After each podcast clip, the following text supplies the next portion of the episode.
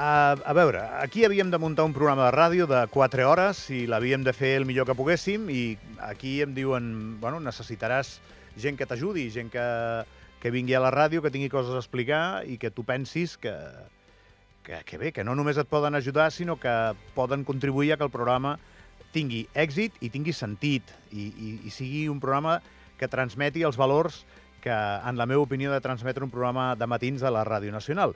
I bé, si vaig posant tot això en, en una paella i començo a cuinar, doncs eh, el resultat del plat és Marta Alberg. Hola, Marta, bon dia. Hola, Gabriel Fernández. Amb la Marta tenim bona amistat. Ella la coneixereu perquè durant molts anys va ser la directora d'UNICEF. Eh, i va ser una extraordinària directora. Gràcies. Va, no sempre ha estat directora d'UNICEF, tot i que molta gent pensa que sempre ho ha estat. Ella ha treballat a la banca molts anys, eh? però aquesta etapa al món de la cooperació crec que li va obrir una miqueta, no sé com que gairebé s'hi diu una qüestió vocacional per dedicar-te a això, i ara doncs està defensant dia a dia el projecte Antròpia amb la iniciativa 12x12 com a, com a bandera, que és una iniciativa xulíssima de la que parlarem ara mateix i de la que parlarem recurrentment perquè és el que porta la Marta. Però la Marta ens ajudarà a entendre a comprendre i, i anirem fent passar gent també per aquest espai el món de l'ajuda, el món de la cooperació. Per què? Perquè vosaltres l'entengueu, però també perquè ja no ens feu mai la pregunta de què puc fer jo per ajudar. És dir, ostres, que, que, que s'està mm, s'està produint una situació injusta i d'abús a l'altra punta del món. Et direm com pots ajudar, però també a Andorra. Uh -huh. Ostres, és que jo tinc sensibilitat pels gossos.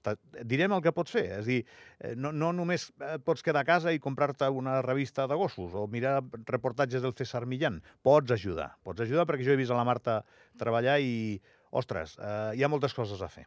Per tant, jo vull fer un programa d'això. I, mm -hmm. pobra Marta, ja té prou feina, però l'he embolicat a fer això cada dues setmanes. Mm -hmm. I avui què fem? Doncs presentem una miqueta l'espai, no? Eh, diries que he encertat amb els trets identitaris del que farem aquí? Sí, jo crec que sí, jo crec que ho has resumit molt bé perquè l'objectiu meu i aquest programa ajuda a fer-ho és de, de que tothom que vulgui col·laborar en alguna causa, sigui la que sigui, sàpiga com fer-ho i que sàpiga pues, quines causes hi han, quins problemes socials hi han i doncs el que sempre diem és que no tothom ha de col·laborar amb la mateixa causa. O sigui, al final el que has dit tu, un pot tenir la causa dels gossos i l'altre pot tenir la causa de la infància, l'altre pot tenir la causa de la gent gran i al final hi ha programes socials tant normalment els que parlarem seran liderats per uh, ONGs o entitats socials, doncs que bueno, toquen tota aquesta sèrie de, de col·lectius uh, amb cert risc de vulnerabilitat. I tant parlarem de, com deies tu, de um, projectes locals com a nivell internacional. I també parlar una mica d'històries de vida, de persones que ens acompanyin i que expliquin doncs, la seva experiència Exacte. en el món de, de l'ajuda a la cooperació, eh, donar exemples de, també fer una mica de, com d'història no? de, de les ONGs en el sentit de doncs, una campanya que ha tingut, que ha travessat fronteres, que la va crear una ONG d'un país però s'ha estès a, a tot el món i durant molts anys s'ha continuat. O sigui, intentarem també donar exemples d'aquests que potser ja no estan vigents però que ens ajuden també a entendre eh, com es treballa treballa i, i a partir d'aquí pues, fer una mica d'agenda també, doncs, si sabem que es fan events uh, benèfics, doncs, donar-los una mica de, de, de visibilitat doncs, perquè la gent s'animi a anar-hi i així, pues, bueno, una mica el que ens agrada parlar a tu i a mi. Vaig a fer-te quedar bé, mhm. vaig a fer-te quedar bé. Mhm. -huh. Tu podries estar guanyant mhm. -huh. pasta per la teva preparació, sí, Marta, sí, sí. Eh, Això no ho sé. El món dels números... Eh, Això no, no ho sabríem mai. Si t'haguessis quedat al banc, probablement estaries guanyant més pasta. Eh, però has triat aquest camí. I explica'm, eh, el teu perfil és molt interessant, és molt atractiu. La gent acostumem a ser més egoistes. I clar, jo he treballat amb tu quan estava al bàsquet i he vist la quantitat de coses que fas que no es cobren. Eh, tu et pagaven com a directora d'UNICEF. Sí, clar. Però, sí, però igualment feies un munt de coses que s'havien de fer perquè, perquè tu consideraves que s'havien de fer, que és el món de la cooperació, no? Les meves amigues sempre em recorden de que jo quan era petita, això et parlo de 6 o 7 anys, jo volia ser missionera. Al final no em vaig fer missionera, però he acabat treballant en el món de la cooperació i de l'acció social. Suposo que aquesta vocació la tenia, sí que és veritat que... Aquelles campanyes del Domun et van influir? Pues probablement perquè venien les missioneres, jo vaig estudiar al gener de petita i venien les missioneres de l'Àfrica i jo, jo estava encantada, o sigui, jo esperava que vinguessin per escoltar les seves històries. I bueno, després vaig veure doncs, que no calia que ser monja per ajudar la gent, o sigui, pots no tenir aquest, aquest, aquest paper i ajudar igualment i ser igual d'activa que eren elles. I he conegut missioners a l'Àfrica fantàstics i, i encantadors i que eh, ells el que volen és ajudar independentment de, de quina és la teva orientació religiosa, no? O sigui, que ells, eh, bueno, la veritat és que quan coneixes els missioners, eh, en, bueno, jo entenc per què volia ser missionera de petita, el que passa és que al final he acabat ajudant d'una altra manera. Però sí que és veritat de que sempre he col·laborat amb, amb acció social. O sigui, jo vaig ser voluntària amb 14 anys, era voluntària de Creu Roja, eh, ja a col·legi t'anàvem sempre per Nadal a llegir als avis de, de la residència, els hi muntàvem sempre una o dues lectures amb ells o els hi organitzàvem una minifesta per Nadal. O sigui, quan estava al banc amb altres companys, doncs, eh, organitzem una recollida de material per això i per lo altre. O sigui, sempre hi ha hagut aquesta part social que ha sigut una mica la que m'ha l'he portat sempre dins. I sí que és veritat que va passar el tren de, de UNICEF Andorra pel davant i vaig dir, bueno, l'he d'agafar perquè això és el meu. Ah, et quadrava. Ja, em quadrava Et moltíssim. quadrava Jo, a més, ja col·laborava amb UNICEF com a voluntària, també. Ja, ja ajudava amb alguns esdeveniments abans de ser directora i, per tant, bueno, em va quadrar molt. I sí que és veritat que quan vaig decidir que després d'uns anys doncs, ja tocava canviar tant per ells com per mi, era, era el que tocava, malgrat jo m'hagués pogut quedar allà fins a la jubilació perquè m'apassiona la, la feina que fa UNICEF, doncs sí que és veritat que vaig dir, bueno, vull intentar continuar mm, guanyant-me la vida de bona manera. A mi, quan em vas explicar el projecte, Sí, que sí. crec que vaig tenir el privilegi de ser un dels, Sí, segurament. un dels primers, no el primer, Sí. segur que el primer no, però un dels primers, Mm. a mi el que més em va dar... eh, no, Mhm. Em vaig preocupar per tu, per la Marta, no? Sí, Dir, sí, sí. I com et guanyaràs la vida amb això, no? I Bueno, costa, costa, perquè encara s'ha de fer molta pedagogia. O no sigui, tens un follet al cap, Mm. un...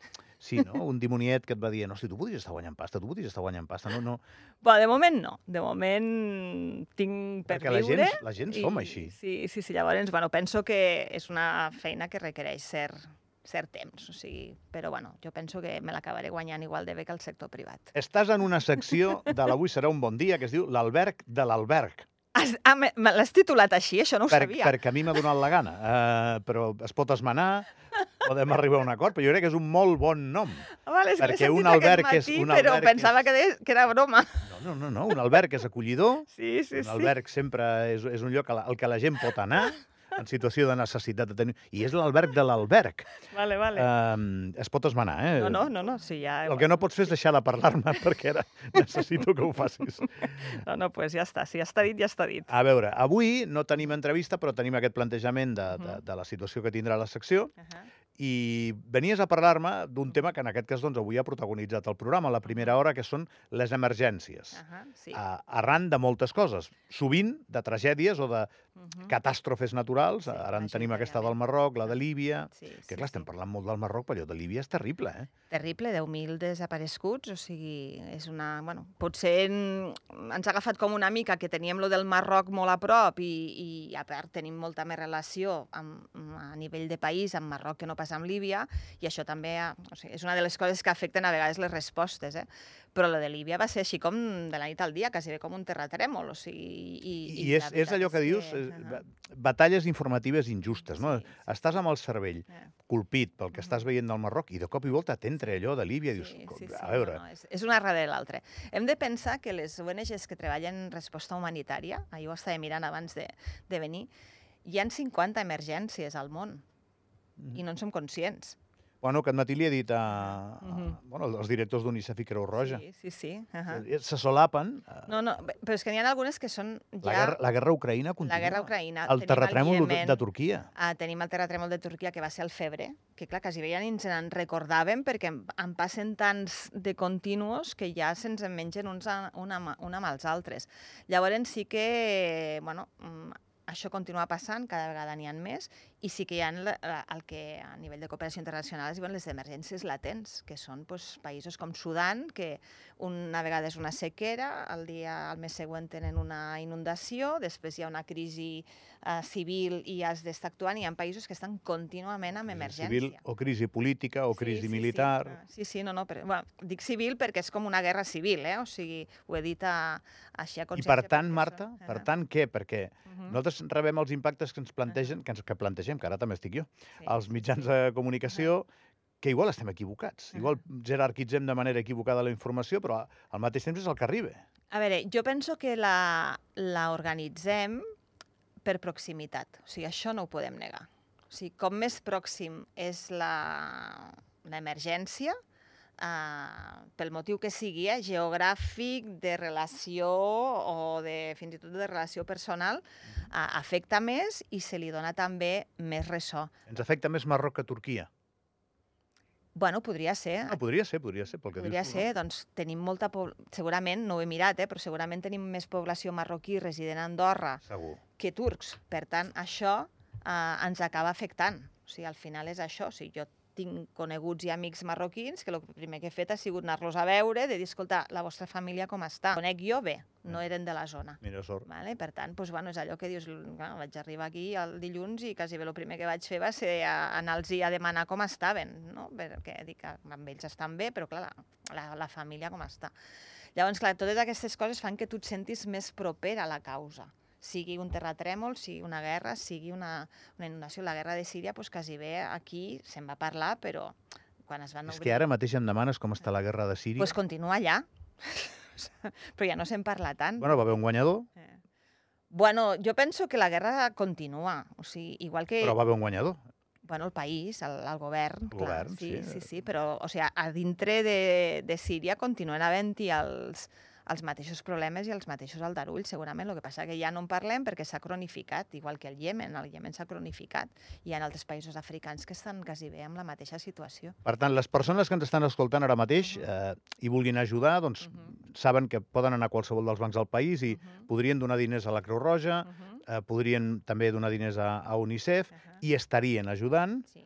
Mhm. o també podrien esperar Mhm. a veure si es concreta més Mhm. la necessitat que hi haurà per la reconstrucció del país, perquè, segons sembla, passarem una miqueta de l'hora, Ricard, eh? un pelet, perquè, segons sembla, hi ha dificultats polítiques per connectar Bueno. governs i no envair competències i tot això, que a vegades Clar, no, és- no és això és evident. una cosa que, que just, mira, havia buscat informació sobre com treballant les emergències. O sigui, el, les entitats internacionals, les que estan dintre del mateix país on hi ha hagut l'emergència, poden actuar segurament més ràpidament, i és el cas de bueno, Creu Roja, eh, que ells, eh, ara no em surt el nom de com es diu als països àrabs, que no es diu Creu La Roja. mitja lluna La roja. mitja lluna, gràcies. M'has fet pensar. Eh, Sí, no, no, és que veia el, el logotip i no em sortia el nom.